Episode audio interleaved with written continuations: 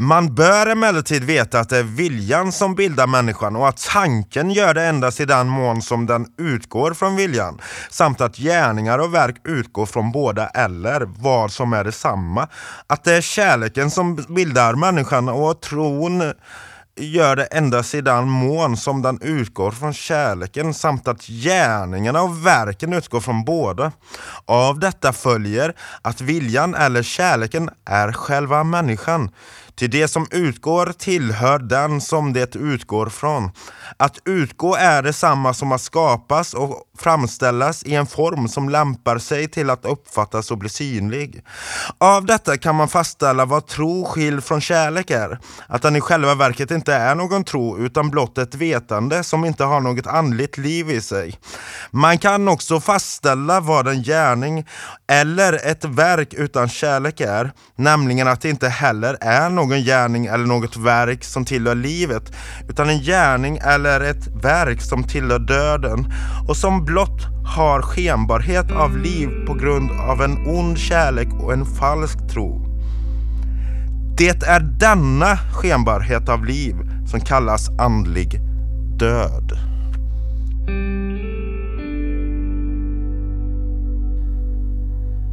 Idén kom till mig lika plötsligt och eh, oväntat som en febersjuka.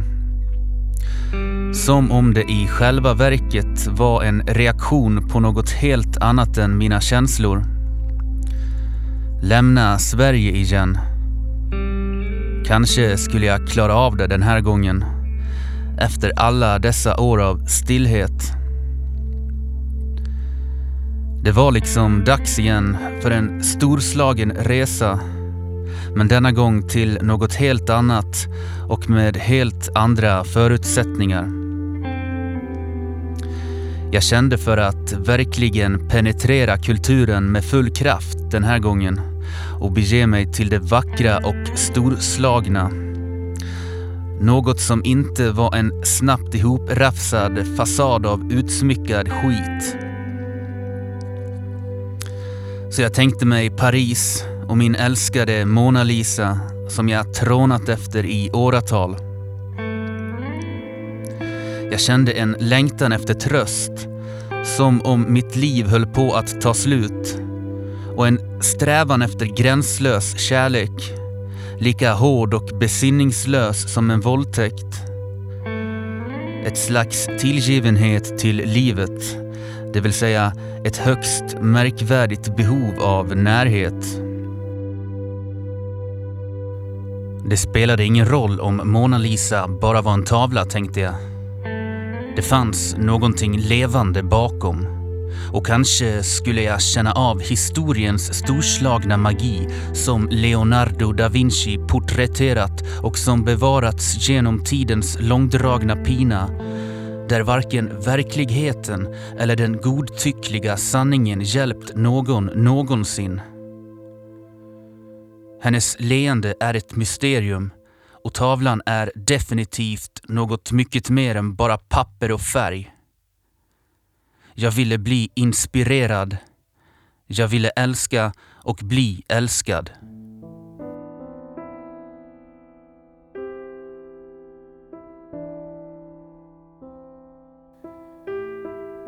Det jag inte visste då när jag satt och planerade resan var att den skulle urarta i dekadens i Berlin. I det smutsigaste av all smuts. I ett bottenlöst och trångt hål från vilket räddning och förlåtelse var omöjlig. Och jag som egentligen bara haft romantiska drömmar om konst, kärlek och poesi. Tänk hur det kan gå. Jag trodde verkligen inte att jag var i riskzon för att bli så pass hårt golvad av episka intryck så som andra människor blir ibland. Och jag trodde på riktigt att jag saknade den genuina inlevelse som krävs för sådana tilltag. Jag ville göra den här resan ensam. Det var halva grejen. Eller rättare sagt, det enda sättet att göra den till ett riktigt äventyr.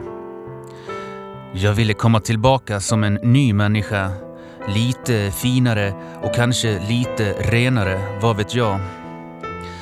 Förhoppningsvis förändrad, på något sätt till det bättre.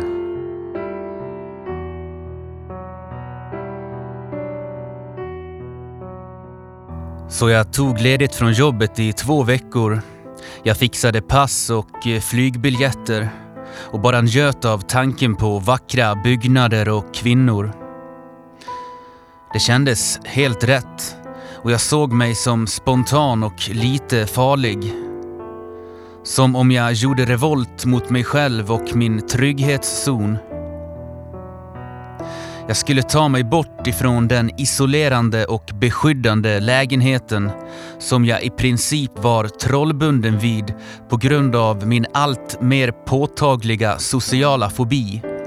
Den som under många år bara växt sig starkare och starkare pådriven av min alkoholkonsumtion som vid det här laget ändå var relativt kontrollerad men dock fortfarande destruktiv och tärande. Som ett skavsår som aldrig riktigt läker på grund av konstant friktion. Ja, jag var less på detta. Jag stod inte ens ut med jobbet längre. Som förut liksom varit en stor del av min harmoni och säkerhet. Nu var det bara ett tomt skal, var i min röst ekade och jag kunde därför inte längre tänka klart. Jag ville bara säga upp mig och börja leva på bidrag. Belägra mig i mitt hem och där leva ut min tid under största möjliga tystnad. Och bara tillgodose mina basala behov. Liksom dö fast ändå leva. Bortglömd och ensam i ett hav av tid och tanklöst bortslängd potential som så småningom troligen skulle bidra till mitt sorgliga förfall och slutligen driva mig till vansinnets branta stup. Och därmed skulle jag antagligen bli institutionaliserad och ännu mer förbisedd av de få människor som fortfarande fanns kvar.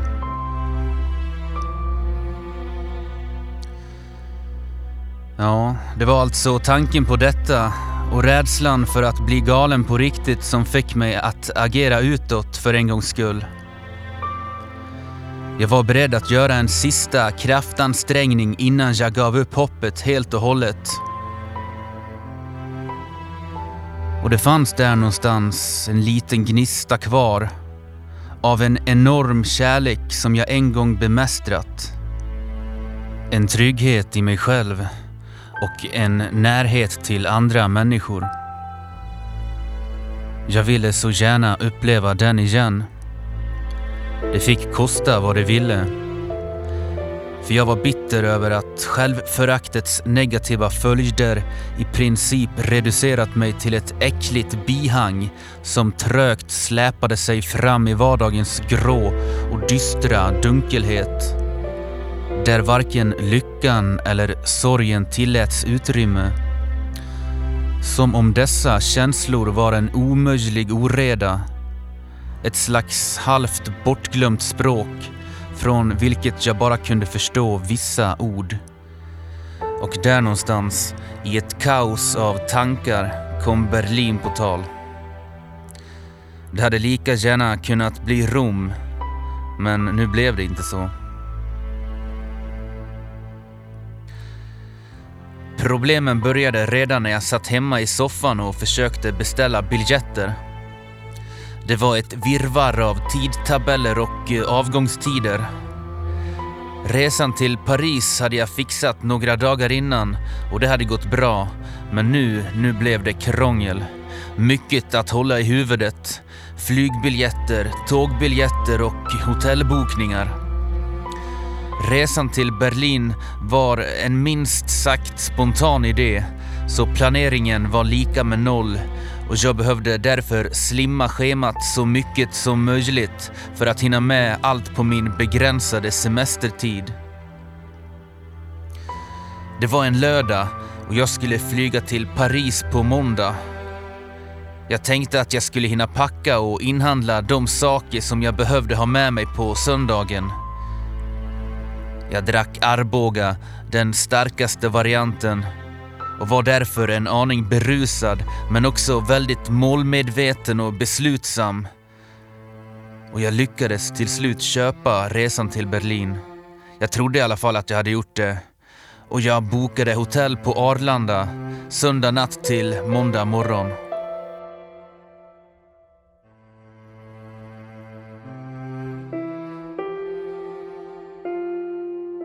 Det skulle i slutändan visa sig bli en dyr historia. Sammanfattningsvis kan jag bara konstatera att jag brände ohyggligt mycket pengar på ganska onödiga saker. Jag strödde pengar omkring mig som om jag hade varit en nyrik kärring lössläppt inne på Nordiska kompaniet utan vare sig eftertanke eller sunt förnuft. Dessutom Ja, dessutom la jag en stor summa pengar på några minst sagt tvivelaktiga affärer. Och det ångrar jag bittert idag. Kommer såklart att komma in på det mer i detalj längre fram i den här serien.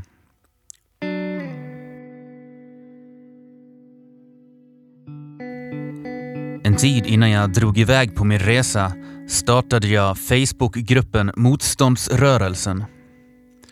Jag ville ha en plattform där jag kunde dokumentera allt som hände via live-videosändningar och jag ville kunna spamma hej vilt utan att få dåligt samvete. Och det blev eventuellt bra content emellanåt. Men om man ska vara riktigt ärlig så blev det mest en massa fylletrams och en mycket god hemvist för nättrollet Bobo Sundgren. Man skulle kunna säga att Facebook Live-formatet trendade rätt hårt den här sommaren. I alla fall i den smala krets som jag rör mig i på nätet. Det startades liksom en uppsjö av livegrupper och snart visste man knappt vilken man satt och sände i. Det i kombination med alkohol kunde ibland leda till grandiosa urspårningar och rent av vansinniga påhitt som för det mesta var väldigt roliga. Och alla dessa livesändningar kom att prägla min resa både på ont och gott. Jag upplevde de båda städerna genom telefonens lins och jag handlade därefter som om det egentligen inte var på riktigt. Som om värmen i Paris och regnet i Berlin bara var ett av alla videoklipp på nätet. Och jag kände mig lite, lite modigare. Och även om detta låter fånigt så var det verkligen så jag kände det.